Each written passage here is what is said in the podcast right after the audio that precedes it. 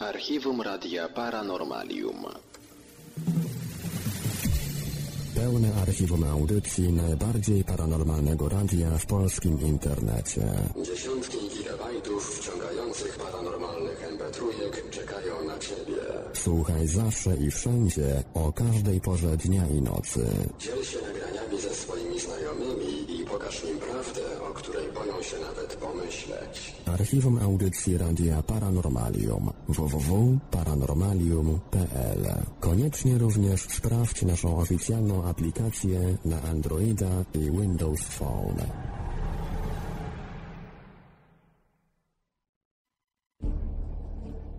I gdy wskazówki na zegarze złączą się w parze i obie będą ku górze, małe i duże, gdy piątek z sobotą się w uścisku splotą, to wiedz, że coś się dzieje. Teoria chaosu. Wiedz, że coś się dzieje. Już dwunasta na zegarze. Przybądź duchu na wezwanie. Ukaż mi się w pełnej krasie. Niechaj tak się stanie, Zasie. Nie chcę przyjść, nie będzie ducha. Teorii chaosu słucha. Teoria chaosu. Piątek, godzina 12.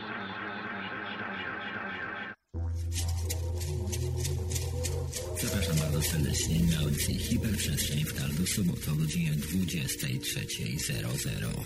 Zróbcie sobie dzbanek kawy i przygotujcie się, że dostaniecie z nami do rana się ze mną. I rok Tomek. To think for yourself and question authority. Radio na fali. Hiperprzestrzeń. Do usłyszenia w każdą sobotę o godzinie 23.00. Turn on.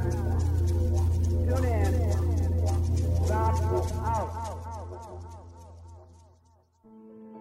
W radiu na fali Noam Chomsky. Jeżeli gdzieś istnieje stacja radiowa finansowana przez słuchaczy, oznacza to, że ludzie codziennie mogą za jej pośrednictwem inaczej spoglądać na świat. Widzieć nie tylko to, co raczą pokazywać nam medialne molochy, ale również coś nowego. Mogą nie tylko słuchać, ale także brać udział w dyskusji. Jest możliwość podzielenia się własnymi spostrzeżeniami, nauczenia się czegoś. Właśnie w ten sposób w ludziach budzi się człowieczeństwo i stają się rozumnymi uczestnikami życia społecznego i politycznego.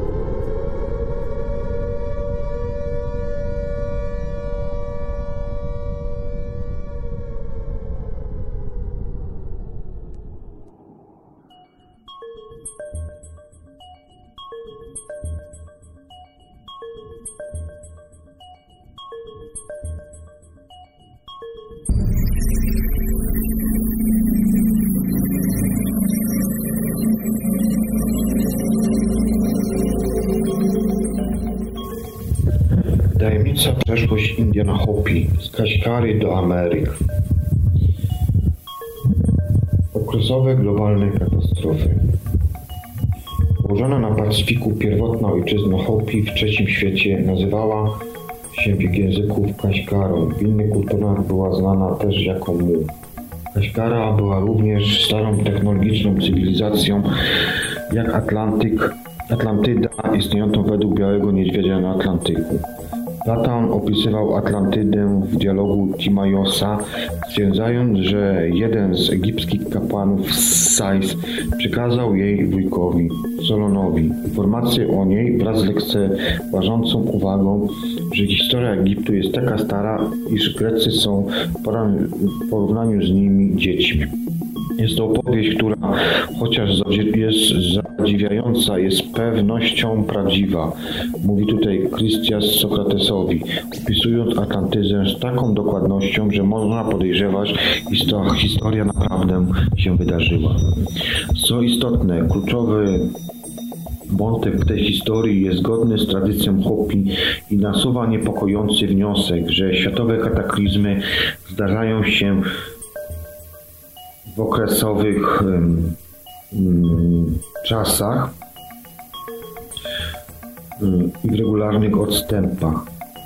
Chociaż historia Egiptu zna kilka tego rodzaju globalnych katastrof, to współcześni ludzie pamiętają jedynie jedno z wydarzeń, a więc taki największy spektakl kiedyś odbył tutaj na naszej płaszczyźnie ziemskiej. Był to wielki potop, o którym wspominał Kritias, przywołując to, co Solon usłyszał od egipskiego kapłana. Tutaj zacytuję. To też, gdy u Was lub w Waszym kraju czy w innym miejscu, które znamy z opowiadania, zaszło coś pięknego lub wielkiego lub dla innych względów zadziwiającego. Wszystko to od starożytności jest tu zapisane i w świątyniach zachowane i szczerzone. Lecz u Was i u innych narodów ile razy się ustali posługiwanie się pismem i wszystkim tym, czego potrzeba państwu, znowu w zwykłych odstępach czasu, jak jakaś choroba spływa potop z nieba i pozwala tylko analfabetom i ignorantom pośród nas przeżyć katastrofę. Tak znowu stajecie się na powód młodymi i nic nie wiecie, co się stało tutaj lub u was w dawnych czasach. Te genealogie bowiem, które dopiero co cytowałeś Solonie, lub przynajmniej to, co pobieżnie opowiadałeś z wypadków waszego kraju, niewiele różni się od bajek dla dzieci. Najpierw zmiankujesz jeden tylko potop ziemski, podczas gdy dawniej było ich wiele. Cytatu. Nowy ląd na wschodzie. Biały Niedźwiedź wyjaśnił, że ludzie, którzy stali się współczesnymi Hopi, pochodzą Kaśkary. Chociaż nie wszyscy, którzy z niej przybyli, zostali Hopi. Ludzie z tego kontynentu, którego pozostałością są Hawaje, bronili się w wojnie z Atlantydą, która to doprowadziła do zniszczenia obydwu cywilizacji. Biały Niedźwiedź twierdzi, że pozaziemskie istoty zwane kaczynami, które przybyły w statkach kosmicznych, ujrzały kontynent wyłaniający się z wody na wschodzie i pomogły jego przodkom do niego dotrzeć. Ten nowy kontynent nazywany jest obecnie Ameryką Północną. Cytuję. To był taki sam kraj, jak ten, który, którym żyliśmy w naszym drugim świecie. Tokpa lub, lub, Tokpa lub Topka. Ale wyglądał inaczej, więc nazwaliśmy go czwartym światem, powiedział Biały Niedźwiedź. Koniec cytatu. Według tradycji Hopi Ziemia zmieniała swoje bieguny kilka razy, czyli biegun północny był na miejscu południowego i odwrotnie. Cytuję. Piątym świecie to zmieni się na nowo. Za każdym razem Ziemia przychyla się całkowicie od północy na południe, nie tylko w połowie, wyjaśnił Biały Niedźwiedź. To spowodowałoby zbyt wiele zniszczeń, ale nie taki był zamiar Stwórcy. Oprócz jednego razu w trakcie topa drugiego świata, gdy Ziemia przechyliła się jedynie do połowy i wszystko zamarło. Koniec cytatu. Kaczyni obserwowali ten nowy ląd, a gdy znalazł się nad wodą, zaczęli przygotowywać wielką migrację mieszkańców Kaśkary na ten nowo wyłoniony kontynent. który miał się stać inną nową ojczyzną, twierdzi Biały Niedźwiedź. Cytuję. Hopi nazywają go czwartym światem Towakaci. Zauważył, dodając również, że słowo Sitaloakha oznacza wszystko, co zostało stworzone szybko i w doskonałej postaci. Stwórca postanowił ich uratować i nakazał Kaczynom, Kaczynom pomóc ludziom dotrzeć do nowego kontynentu. Ci koloniści migrowali z trzeciego świata do czwartego w trzech różnych pojazdach. Cytuję. Pierwsza grupa przybyła, przyby, przybyła w latających tarczach, statkach kosmicznych. Były one przeznaczone dla ważnych, wysoko postawionych osób, które miały pierwszeństwo, ponieważ ich zadaniem było założenie nowej kolonii. Kaczyni jako kosmici podróżnicy wiedzieli, gdzie jest nowy ląd i w pierwszej kolejności zabrali wysoko ocenionych przywódców. Kaczyni mogli to zrobić, ponieważ mieli latające talerze. Nasi ludzie ich nie mieli ani nie mogli ich zbudować, ale trzeba pamiętać, że mieszkańcy Atlantydy również mieli latające talerze.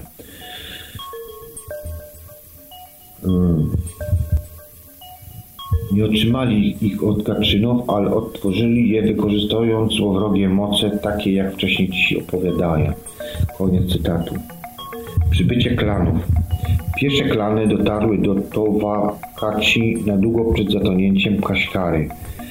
Do najważniejszych grup, które przybyły w latających talerzach należał klan ognia, klan węża, klan pająka, klan łuku, klan orła oraz klan wody.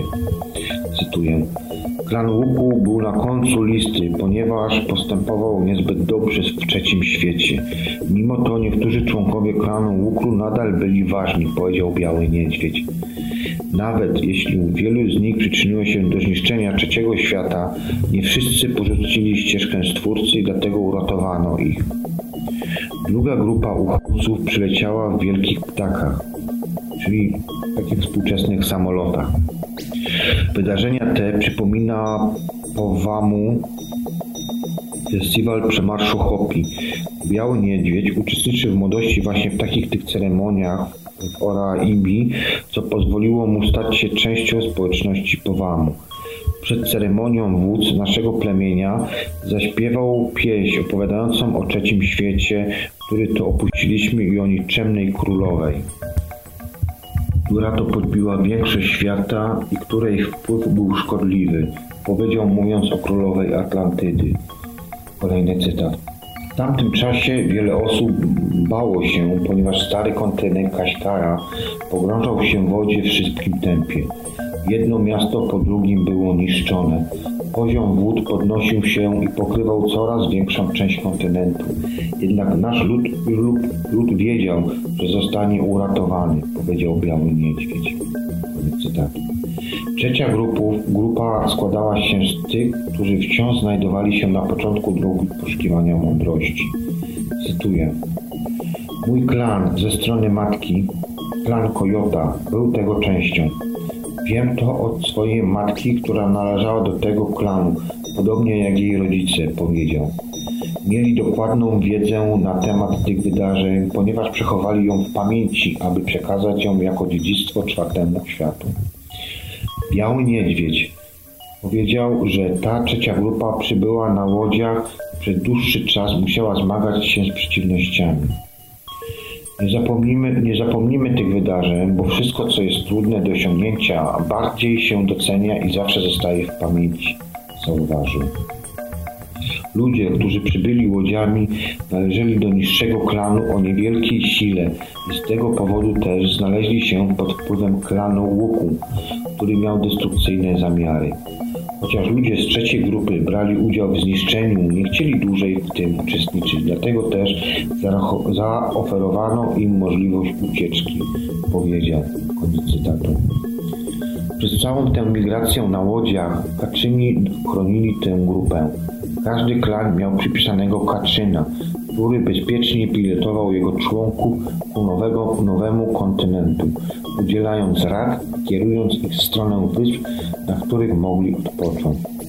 Biały Niedźwiedź powiedział, że o ile działania Kaczynów były zrozumiałe, ludzie na początku nie dostąpili zeszytu rozmowy z nimi. Klan Fletu nadal urządza uroczystości, które przywołuje też taką przeprawę tymi właśnie łodziami. Dzięki temu Hopi pamiętają e, każdy szczegół i etap, etap, etap tej epickiej podróży przez ocean, po której przypomina im rząd siedmiu posągów, nazywających się Moai na wyspie wielkanocnej Rapa Nui. Cytuję, te posągi przedstawiają siedem światów, które musimy przebyć, powiedział Biały Niedźwiedź. Wyspa Wielkanocna to jedyna wyspa na naszej drodze, która nie zatonęła całkowicie po naszym przejściu. Koniec cytatu. Sprawa tych siedmiu światów wymaga pewnego tutaj wyjaśnienia. W rzeczy samej Hopi mówią o dziewięciu światach lub uniwersalnych królestwach, które to też manifestują się w zależności od planów Stwórcy Tajowa. Jedno duchowe królestwo było zarezerwowane dla Tajowa, a jedno dla jego siostrzeńca Sotuknanga. Uwaga Białego Niedźwiedzia o siedmiu światach, które trzeba przeżyć, odnosi się do centrów wibracyjnych, czakr, w człowieku, które to na poziomie fizycznym odpo odpowiadają górczowo. Tak więc przy pomocy latających tarcz, samolotów oraz łodzi Kaczyni przeprowadzili uchodźców Kaśkary do Ameryki Południowej, aby mogli się oni tam osiedlić. Cytuję. W tamtym czasie jej, jej największa część znajdowała się już nad wodą, wyjaśnił Biały Niedźwiedź. Musisz jednak wiedzieć, że nie wszyscy, którzy opuścili Kaśkarę, mogli przybyć na ten nowy kontynent. My, klan Kojota, przybyliśmy na samym końcu. Ci, którzy wyruszyli po nas, zostali zabrani przez prądy w kierunku innych wysp, ponieważ nie dane im było dotrzeć do Ameryki Południowej. Niektórzy dotarli na Hawaje, będące częścią, częścią trzeciego świata, która nie została zniszczona. Inni przybyli na wyspy południowego Pacyfiku, a niektórzy na wyspę, która jest częścią współczesnej Japonii. Dowiedziałem się kilka lat temu, powiedział Biały Niedźwiedź i dodał, cytuję, Odwiedził mnie młody mężczyzna z tej wyspy. Przeczytał księgę Hopi i powiedział, że jego babcia opowiedziała mu dokładnie tę samą historię dotyczącą Starego Świata. Była zatem określona grupa ludzi, którzy nie, mogły, nie mogli przybyć do Nowego Świata, mimo iż także pochodzili Kaśkary. Do tego na wyspach hawajskich tajemniczymi ludzie są nazwani Kahunga, co oznacza to samo co Kaczyn. Zastanawiam się, czy wyspa, o której mówi Biały Niedźwiedź, będąca częścią współczesnej Japonii, to położona około 110 km na wschód od Tajwanu, Tajwanu Yonaguni. Przeznaczenie Atlantydów Według Białego Niedźwiedzia nie wszyscy mieszkańcy Atlantydy zginęli wraz ze swoim kontynentem. Ci, którzy nie uczestniczyli w ataku i królowej na Kaśkarę, zostali uratowani. Oni również chcieli dostać się na nowy kontynent. Ale Stwórca obiecał, że ta nowa ziemia przez dłuższy czas będzie należeć wyłącznie do przodków Hopi. Cytuję, mimo iż w Ameryce Południowej nie było jeszcze nikogo z ludu Hopi, mieszkańcy Atlantydy nie mogli się tam osiedlić. Stwórca nie chciał, aby się tam oni znaleźli, powiedział. W tym też celu wysłali Kaczynów, aby powstrzymywali ich przez przemieszczanie się na zachód, ponieważ jeśli by ocaleli, nie podążaliby za swoimi przywódcami. To jednak nadal byli oni poddanymi Atlantydy. Biały Niedźwiedź wyjaśnił, że w czasie trwania trzeciego świata lud Atlantydy był związany z Kaczynami, albo Kaczyni porzucili go, gdy stał się nieprzyjazny. Kaczyni skierowali ich na wschód, na obszary, które nazwane są dzisiaj Europą i Afryką. Odebrano im jednak ich zdolności. Przygwożdżeni do ziemi nie potrafili już latać i mogli przetrwać tylko w małych grupach, z których każda dysponowała niewielkim fragmentem pełnej wiedzy, jaką dysponowali wcześniej. Powiedział Biały Niedźwiedź.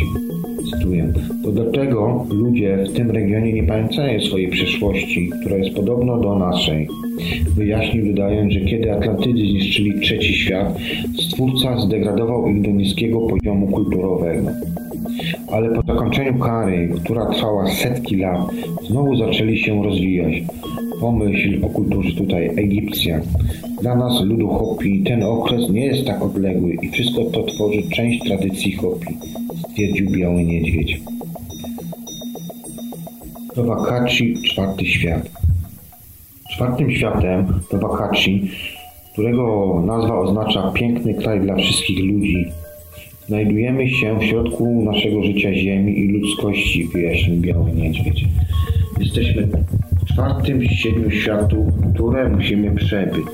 To świat fizyczny, mimo iż są one związane ze wspomnianymi wcześniej czakrami. Czy są za nami, czy przed nami. Ten fakt jest wyrażany w naszych rytuałach oraz niektórych szczątkach, które znaleziono w Meksyku oraz Ameryce Południowej, powiedział.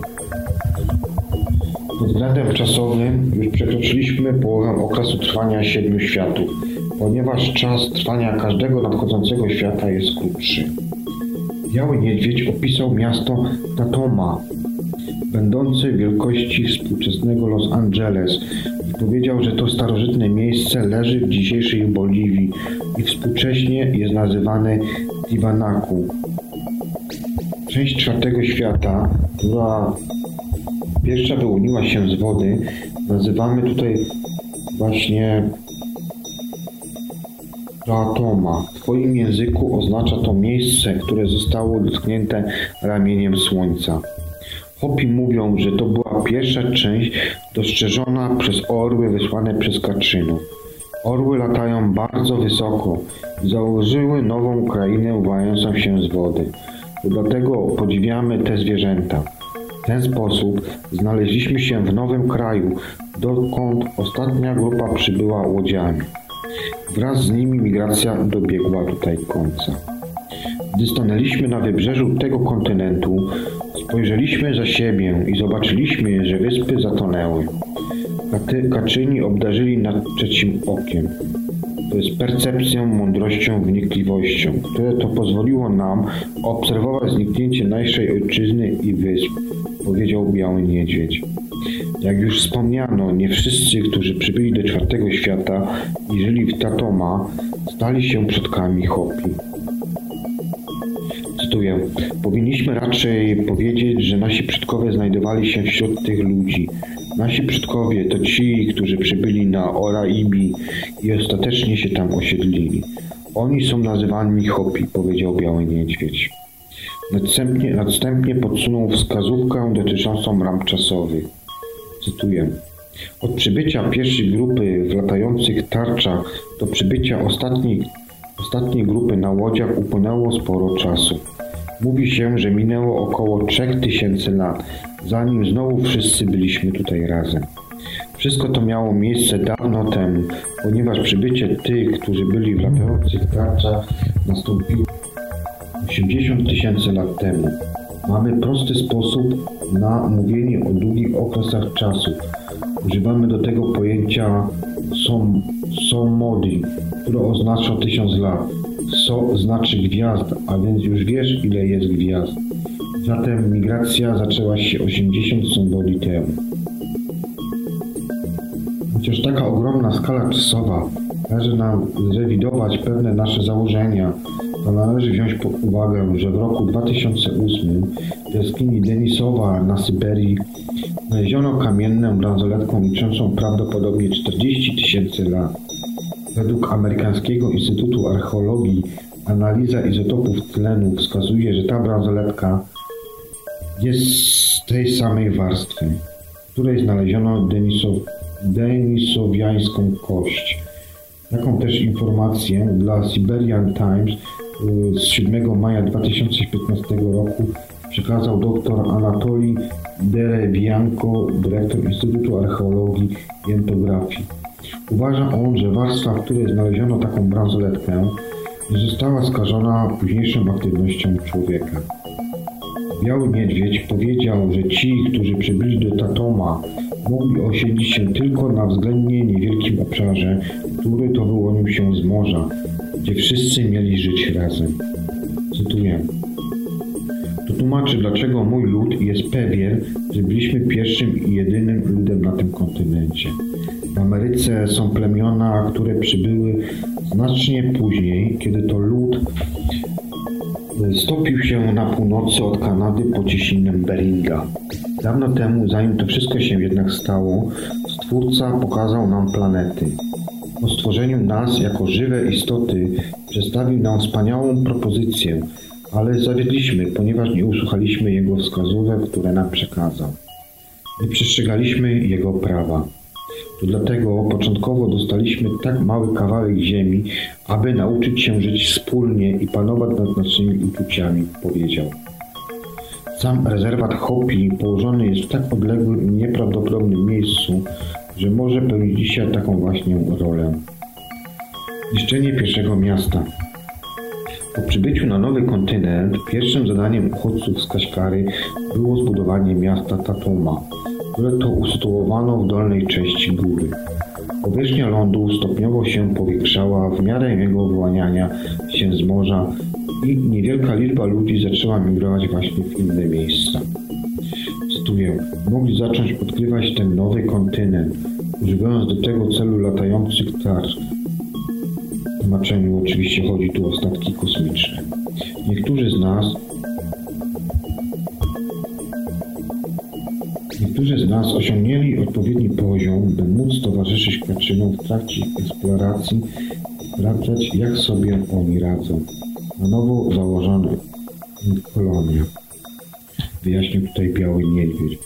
W końcu ludzie zaczęli realizować własne pomysły na to, w jaki sposób podążać ścieżką boskich praw Stwórcy. Niektórzy zboczyli z właściwej drogi, powiedział Biały Niedźwiedź dodając, że byli wśród nich ludzie wysokiej rangi, których kusiło bogactwo i prestiż. Zaczęli źle wykorzystywać to tabuja oraz Kaczyni próbowali powstrzymywać ich przed odleceniem, odleceniem w kosmos. Nie wolno nam było tego robić do czasu wypełnienia naszych obowiązków względem tego świata. Jednak ci ludzie błędnie wierzyli, że są gotowi. Stwórca wiedział, co się stało i po pewnym czasie przybył osobiście i przejął miasto.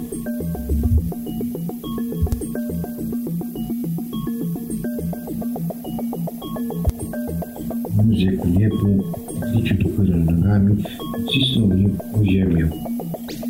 Wokół całego tego miejsca można było odczuć ogromny podmuch powietrza.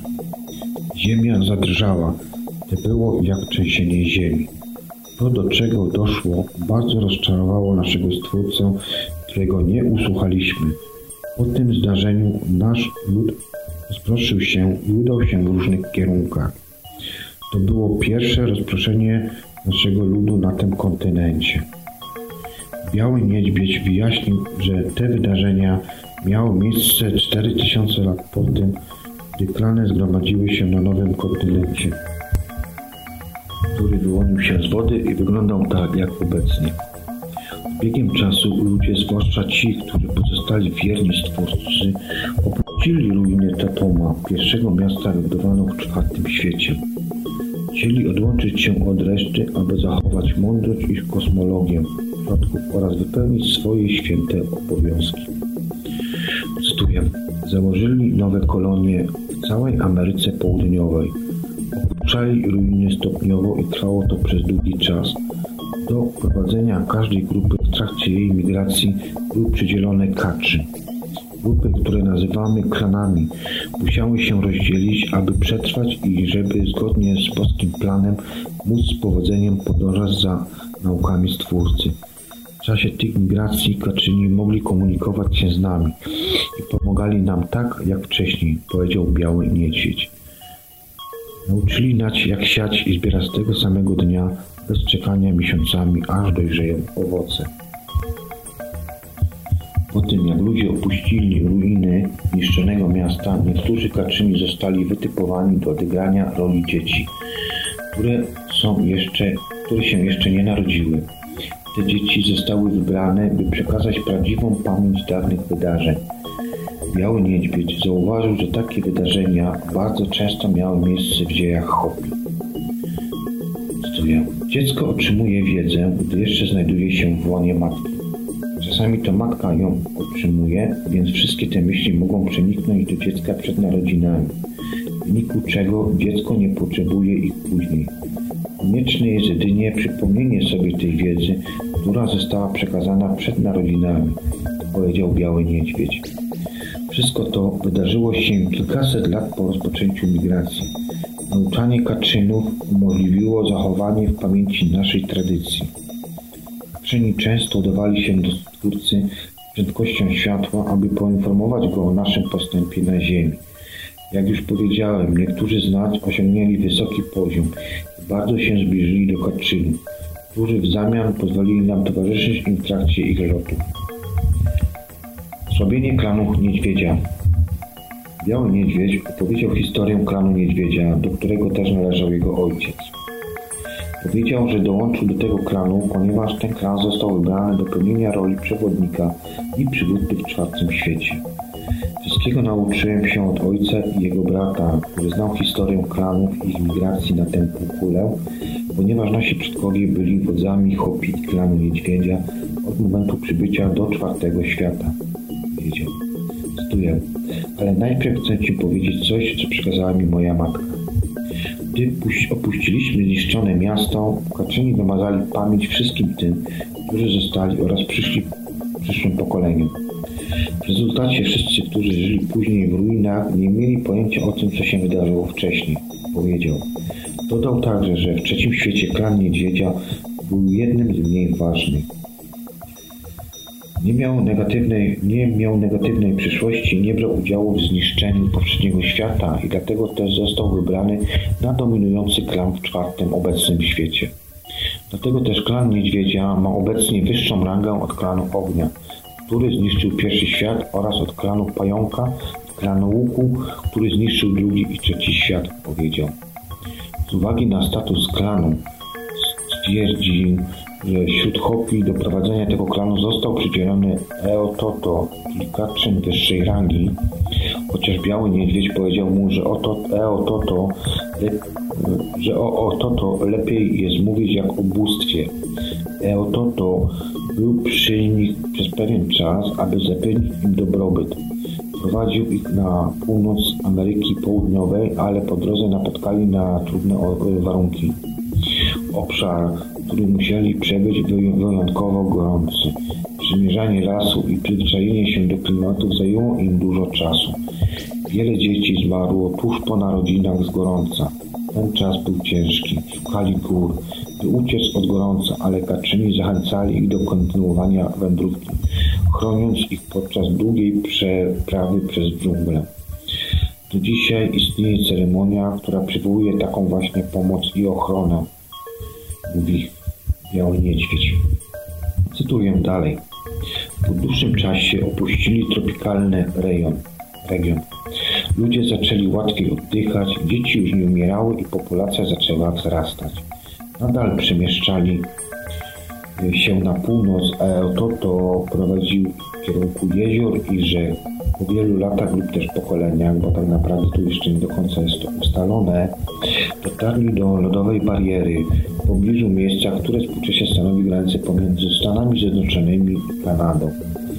To zatrzymało dalszy marsz. Te wydarzenia miały miejsce ponad 12 tysięcy lat temu. Eototo powiedział im, że ta pokrywa lodowa to drzwi, które zostaną otwarte później dla ludzi, którzy, którzy migrują na południe. Chodzi oczywiście o grupy, które według antropologów przekroczyły ciśnienie Beringa, jednak Hopi twierdzą, że ich lud przybył wcześniej z przeciwnego kierunku. Biały Niewieś opowiedział, w jaki sposób jego przodkowie zwrócili się do tej lodowej bariery i ruszyli na wschód, przemierzając ogromne połacie mokrego lądu, aż w końcu dotarli do Oceanu Atlantyckiego. Toto powiedział im, że to jest koniec ich wędrówki na wschód, po czym polecił im skierować się w stronie zachodniego słońca. Posłuchali jego wskazówki i ruszyli na zachód, aby po wielu latach dotrzeć do Pacyfiku, wyjaśnił Biały Niedźwiedź. To to powiedział im wtedy, zakończyliście swoją wędrówkę i teraz możecie wybrać miejsce, w którym będziecie żyć. Ale klan jeszcze nie wiedział, gdzie chce się osiedlić. Wielu poszukiwaniach wybrali to miejsce Oraibi, w którym to zbudowali pierwszą wioskę, gdzie od tej pory żyją Hopi.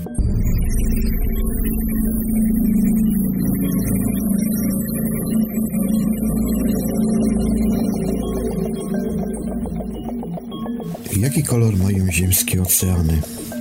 To zależy z jakiej odległości je oglądamy.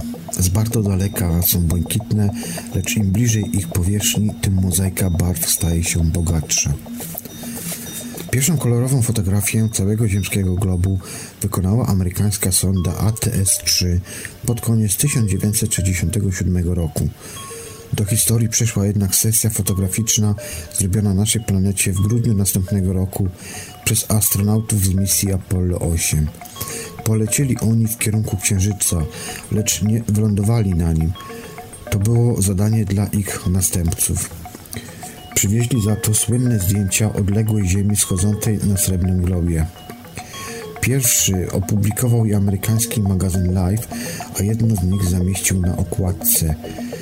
Widać na nim przesłoniętą chmurami Amerykę Południową i przede wszystkim niebieskie oceany.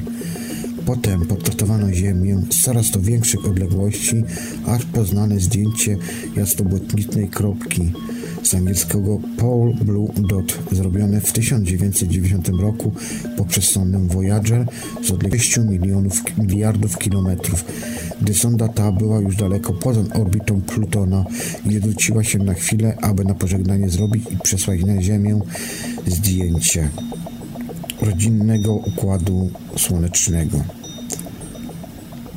To nasz dom, to my, mówił wtedy pomysłodawca zdjęcia słynny astronom Carl Sagan podczas wykładu na macierzystym Uniwersytecie Cornell University. Mars jest czerwony, księżyc szary niczym popiół, Saturn żółty, a nasza planeta wygląda z, z kosmosu i świeci na niebiesko. Dlaczego? Najpierw popatrzmy na Ziemię z nieco mniejszej odległością niż Voyager, powiedzmy z orbity okołoziemskiej. Zobaczymy wtedy od razu, że w rzeczywistości nie cała planeta jest niebieska. Chmury, które odbijają białe światło słoneczne bezpośrednio w przestrzeń kosmiczną, są białe. Białe są też z tego samego powodu co chmury, olbrzymie pokrywy lodów Grenlandii. Z kolei lądy mają z daleka przeważnie barwę brązową lub zieloną, w zależności od pory roku i gęstości szaty roślinnej. Tak oto dowiadujemy się jednej z ważnych rzeczy. Ziemia nie jest niebieska dlatego, że niebieskie jest niebo, ale zupełnie z innych powodów. Gdyby tak było, całe światło odbijające się od powierzchni globu i docierające do zewnętrznego obserwatora usytuowanego na orbicie byłoby mocno niebieskawe, a tak przecież nie jest. Jednak są takie partie globu, które rzeczywiście świecą na niebiesko. To oczywiście morza i oceany. Ponieważ ich znacznie więcej niż lądów, to one nadają Ziemi oglądanej z bardzo daleka tak charakterystyczną niebieską barwę. Ale z lotu ptaka dostrzeżemy, że ów niebieski kolor wód tworzących zewnętrzną powłokę naszego globu ma różne odcienie, Widać to doskonale na przepięknym zdjęciu wykonanym w styczniu 2012 roku poprzez sondę meteorologiczną SLOM wysłaną kilka miesięcy wcześniej przez amerykańską Narodową Administrację do Spraw Oceanów i Atmosfery NOAA. Jeśli popatrzymy dokładnie na tę fotografię, na której widać znaczną część Ameryki Północnej wraz z kawałkami Pacyfiku, Atlantyku oraz Zatokę Meksykańską i Morzem Karaibskim, zobaczymy, że, na, że płytsze akweny sąsiadujące z lądami mają jaśniejsze, bardziej cyjanowe odcienie, natomiast głębsze wody są ciemno-niebieskie, niemal granatowe. Tu wchodzimy w koncept pułapki dla światła. Czy to wszystko znaczy, że woda morska jest niebieska? Absolutnie nie. Znamy tą ciecz. Woda sama w sumie w czystej postaci jest przecież bezbarwna. Widać to, gdy nalejemy ją do szklanki. Skąd więc taki niebieski kolor mórz i oceanów? Zastanawiamy się. Wiele osób uważa, że morze jest niebieskie, ponieważ odbija się w nim niebieskie niebo. Tak jednak w rzeczywistości nie jest. To znaczy, że niebiesko jest faktycznie niebieskie. Wystarczy spojrzeć w górę w bezchmurny dzień, aby się o tym przekonać. A jest takie, ponieważ ziemska atmosfera lepiej rozprasza barwę niż inne, składające się na światło białe, czyli to światło widzialne. Gdyby jednak może było tylko odcień robionym poprzez słom NPP, nie mielibyśmy różnych odcieni niebieskiego w zależności od odległości akwenu, głębokości oraz odległości akwenu. Zresztą wystarczy zerknąć tutaj na jakąkolwiek fotografię podwodną wykonaną przez platonurka w naturalnym świetle i w czystej wodzie. Niej przeważający kolor niebieski. Jego odcień staje się tym ciemniejszy, im głębiej wykonane zostało zdjęcie. Dlaczego tak jest? Zastanawiamy się, skąd ta niebieska barwa? Wyjaśnienie zjawiska jest dość proste, ponieważ oceany składają się z cząstek wody, a te, jak wszystkie cząsteczki, pochłaniają łatwiej pewne barwy, fale elektromagnetyczne, tworzące światło dzienne. Jednak dostrzec to zjawiska i zaobserwować je, cząsteczki muszą być dostatecznie duże i w dużej ilości. Szklanka wody to za mało jednak. Woda najlepiej absorbuje barwę czerwoną, a także podczerwień i nadfiolet. Oznacza to, że gdy ktoś zanurkuje, woda dość szybko odetnie go od ciepła słonecznego, od, ciep- od szkodliwego promieniowania UV, a także od barwy czerwonej. Kiedy to zanurzymy się jeszcze niżej, pożegnamy się też z barwą pomarańczową. Potem też przyjdzie kolej na kolor żółty, zielony i fioletowy. Pozosta- pozostanie tylko niebieski. On też w końcu zacznie znikać, ale dopiero od poziomu około 200 metrów. Dlatego właśnie oce- oceaniczne głębiny przybierają na zdjęciach sanitarnych taki ciemno-niebieski odcień, ponieważ wszystkie inne barwy woda szybko pochłania. Pozostaje jedynie granat, którego to część jest wyemitowana w przestrzeń kosmiczną. Gdyby cała Ziemia była pokryta głębokim oceanem, wtedy tylko jedna dziesiąta docierającego do niej światła widzialnego ulegałaby odbiciu. Oceaniczne otchłanie stanowią prawdziwą pułapkę dla promieni słonecznych. W naszym układzie słonecznym istnieją też inne planety, które to świecą na niebiesko. Jest to choćby nawet Uran i Neptun, których atmosfery składają się głównie z wodoru, helu i metalu, metanu. Ten ostatni gaz, kiedy jest go dużo, trochę szybciej absorbuje światło czerwone i nieco efektywniej w porównaniu z innymi długościami promieniowania widzialnego odbija barwę niebieską. W przypadku Uranu i Neptuna za ich niebieską barwę rzeczywiście odpowiada atmosfera. W przypadku natomiast Ziemi decydujący głos należy do oceanów. Gdybyśmy w jakiś sposób pozbawili nasz glob i jego dość cienkiej atmosfery, lecz zarazem jakoś ocalili powierzchniowe oceany, wciąż byłby z oddali on jasno niebieską kropką. W sumie wszystko to wygląda dość niezwykle. Oto pozbawione własnego koloru woda i powierzchnie ziemskie za sprawą pochłaniania i rozpraszania światła stają się w naszych oczach niebieskie, ale każde, nie, ale każde niezależne od siebie. Opisano z detalami już dawno, dawno temu. Mimo to warto się przez chwilę tutaj jednak zadumać nad zadziwiającymi efektami oddziaływania światła i materii. Spektroskopia to zdjęcie spektro, spektroskopia to zajęcie dla filozofów. Oceany pigmentu. Wszystko, co do tej pory powiedziałem, dotyczy wody czystej. Barwę mórz i oceanów mogą modyfikować rozmaite zanieczyszczenia, w skład których mogą wchodzić takie zanieczyszczenia jak zanieczyszczenia mineralne, chemiczne oraz biologiczne.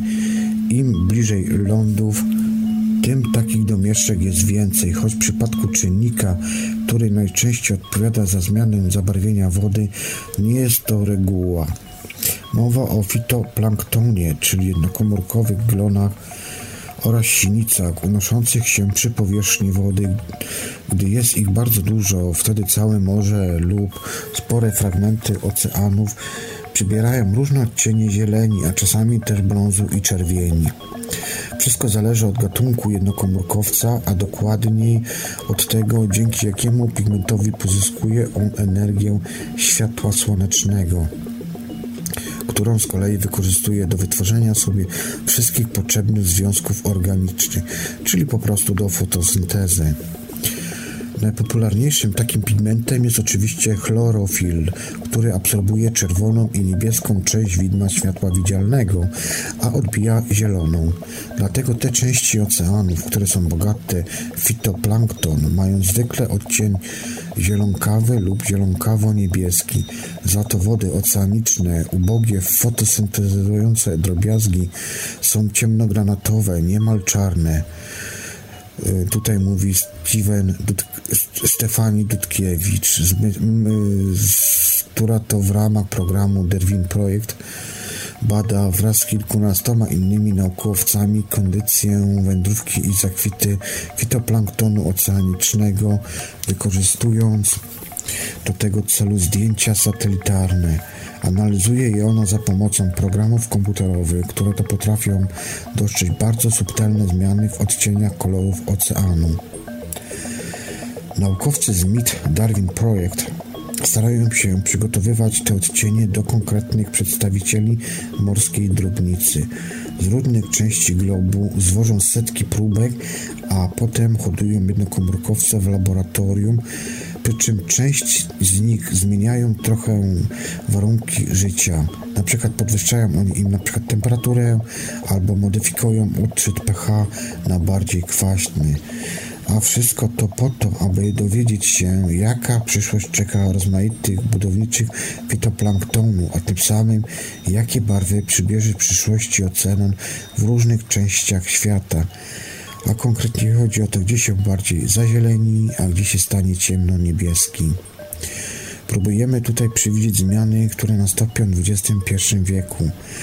Podpieramy się tym celu modelami matematycznymi. Dekadę temu, kiedy to zaczynaliśmy pracę nad projektem, monitorowaliśmy w skali globu kondycję tylko pięć jednokomórkowców. Dziś obserwujemy około 100, mówi tutaj pani Dudkiewicz. Postęp, jak widać, jest błyskawiczny, a niedługo może też być jeszcze szybszy, jeśli NASA zdoła uratować budżet na szykowaną od kilku lat misję PEACE. Sonda ma polecieć na orbitę w 2022 roku, aby zbierać dane o nasyceniu i odcieniach barw wody oceanicznej z dokładnością dziesiątki razy większą niż to czynił orbitalny sensor SEA VFS który to zamilkł 2010 roku po 13 latach pracy polegającej na zbieraniu danych o koncentracji chlorofilu w ziemskich oceanach.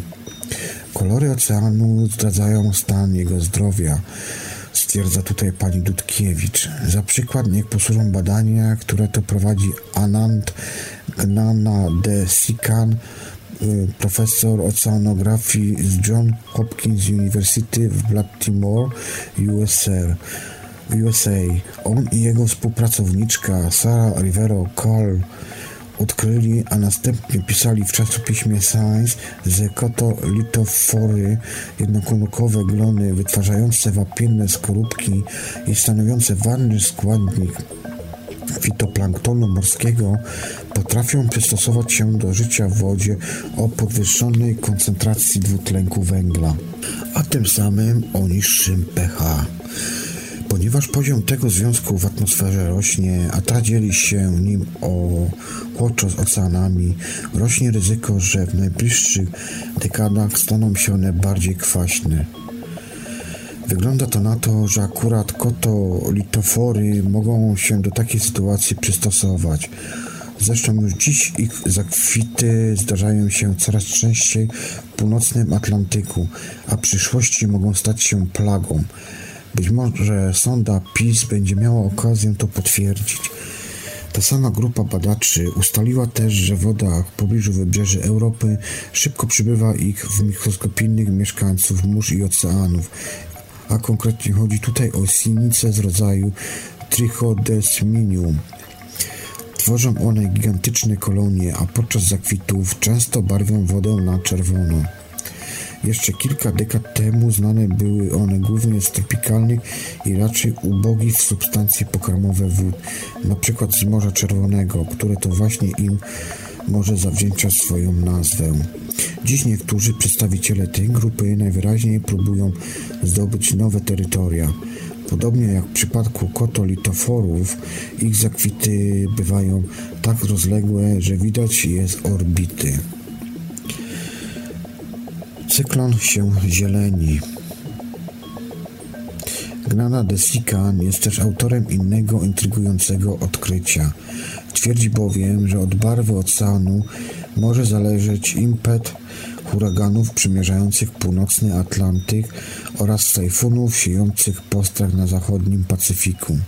Doszedł do tego wniosku, gdy w ramach zbierania danych potrzebnych do ulepszenia modeli klimatycznych zainteresował się kolorem wody oceanicznej w miejscach, gdzie rodzą się cyklony tropikalne. Zrobił to, jak tłumaczy, raczej z naukowej ciekawości niż z przekonania, że taki szczegół jest, ba jest bardzo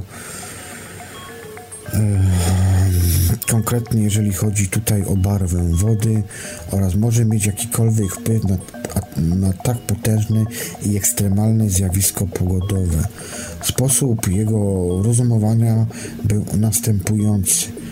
Zielona barwa oceanu świadczy o obfitości fitoplanktonu, który to silnie pochłania światło słoneczne. Takie akweny powinny być zatem cieplejsze niż te, te, gdzie fitoplanktonu jest niewiele, a jak wiadomo, odpowiednio wysoka temperatura wody to jeden z warunków narodzin cyklonu tropikalnego. Czyżby zatem obfitość jednokomórkowców sprzyjała powstawaniu huraganów? Nana Desikan zaczął analizować te wszystkie dane e, oraz inne dane na temat kilkudziesięciu cyklonów tropikalnych, aby dokładnie poznać ich cyklogenezę, czyli to, jak powstawały, a potem jak nabierały mocy. Następnie sięgnął po model komputerowy, którym to tylko, tylko jeden czynnik – a chodzi tu o taki czynnik jak koncentrację fitoplanktonu w miejscach narodzin i na szlakach wędrówek tych cyklonów. Im była ona niższa, tym szybciej cyklony zamierały. W komputerze e, kradłem im zieleń i ciepło, wyjaśnił. W niektórych symulacjach zdarzało się jednak, że cyklony nie znikały, ale kierowały się ku tym regionom tropikalnego oceanu, gdzie zieleń i ciepło było, była pod dostatkiem. Gnana de Sikan, podobnie jak Dudkiewicz, nie może się doczekać, kiedy na orbicie pojawi się sonda wspomniana wcześniej, PIS, i, znacznie, i zacznie ona wypatrywać chlorofilu. Wtedy to zweryfikowałem wyniki symulacji z naszymi obserwacjami. Mówi. Jednak nie tylko fitoplankton potrafi zmienić kolor morza. Tam, gdzie do lądu jest blisko, a morze jest płytkie, samo dno potrafi nadać wodzie niezwykłą barwę. Wystarczy zerknąć choćby na saltetarne zdjęcia archipelagu Bahamy, na których to widać olbrzymie, olbrzymie podwodne ławice osadu uformowane przez prądy przybrzeżne. Woda ma to głębokość zale, zaledwie metr dwa, a jasny ostat powstały w wyniku erozji wapiennego dnia morskiego. Szczególnie pięknie są tutaj również barwy które nadają oceanowi oglądanemu z lotu ptaka yy, rafy koralowe. Na, zdjęciach sanitarnych wyróżnia się też skalista wysepka Bora Bora wynurzająca się z granatowych wód tropikalnego Pacyfiku. Otacza ją pierścień raf nadających wodzie turkusowy kolor. Ta sama tak samo jest w przypadku olbrzymiej liczby atoli koralowych rzucanych na całym globie. Naukowcy analizują te koralowe barwy, aby dostrzec pierwsze sygnały zagrożeń dla tych najcenniejszych ekosystemów morskich. Nawet niewielki spadek nasycenia barwy lub zmiana jej odcienia mogą oznaczać, że stan raf się pogorszył. Jeszcze raz tutaj y, pasowałoby nam przypomnieć słowa Dudkiewicz, której to, która to mówiła, że kolory oceanu zdradzają stan jego zdrowia. Morza zmieniają też barwy za sprawą osadów znoszonych z lądów. Najlepiej widać to w pobliżu ujścia wielkich rzek, takich jak Mississippi, La Plata, Jagensi czy Amazonki. Szczególnie po wielkich powodziach do morza dostają się gigantyczne ilości materiałów mineralnych i organicznych. Gorzej, że taki drobiazg mineralny nie tylko zmienia kolor wody, ale również czyni ją mętną, co poważnie utrudnia badaczom prowadzenie obserwacji. Między innymi dlatego dopiero niedawno odkryto na dnie Oceanu Atlantyckiego w odległości około 100 km od ujścia Amazonki wielką rafę koralową. Choć ma ona blisko 1000 km długości, była ona wcześniej widoczna w wodzie pełnej osadów przyniesionych przez olbrzymią rzekę. Inna sprawa jest taka, że nikt nie spodziewał się je w takiej szaroburej wodzie. Standardowym przykładem akwenu zasypywanego sedymentami rzecznymi jest oczywiście tutaj morze również żółte u wybrzeży Chin. Jego nazwa pochodzi od lesowych pyłów, które to tysięcy lat wynosi z wnętrza azjatyckiego lądu użółta rzeka. Szacuje się, że w ciągu roku dostarcza ona do morza ponad miliard ton osadu. Czasem z barw morza da się wyczytać skomplikowaną historię jakiegoś akwenu. Wystarczy spojrzeć tutaj na zdjęcia satelitarne choćby nawet laguny weneckiej. Pod jej płytkimi wodzami dostrzeżemy dawne ujścia rzek pochłonięte wiele tysięcy lat temu przed podnoszące się morze. Zauważymy też osady znoszone przez te rzeki z przedpola Alp. Na zdjęciu widać również podłużne, ciemniejsze strefy. Są to kanały żeglugowe e, pogłębiane od setek lat przez ludzi. Człowiek modyfikuje też w inny sposób kolor laguny, wzbogacając ją o rozmaite te chemikalia. Ponadto często trafiają do niej nawozy sztuczne z okolicznych pól, co prowadzi do okresowych zakwitów glonów. Do tego też dochodzą jeszcze epizody SIDOM, czyli pojawianie się w wodzie fal rozpuszczonej materii organicznej. Zwykle ma ona barwę żółtą, ale bywa też brązowa lub żółto-zielona. Są to rozmaite garbniki, których źródłem jest rozkładająca się drobna materia organiczna, fragmenty roślin oraz szczątki zwierząt i ich odchodów. Epizody SIDOM e, występują nie tylko w Lagunie Weneckiej, ale w wielu wodach przybrzeżnych na całym świecie.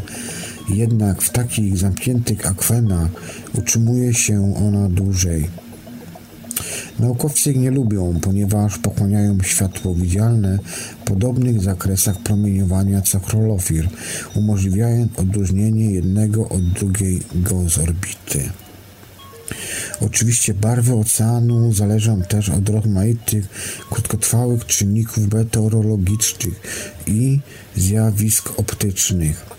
Zachmurzenie, wiatr, pora dnia, kąt padania promieni słonecznych, wszystko to ma ogromne znaczenie, ale o tym każdy wie, kto choć raz w życiu oglądał zachód słońca na plaży.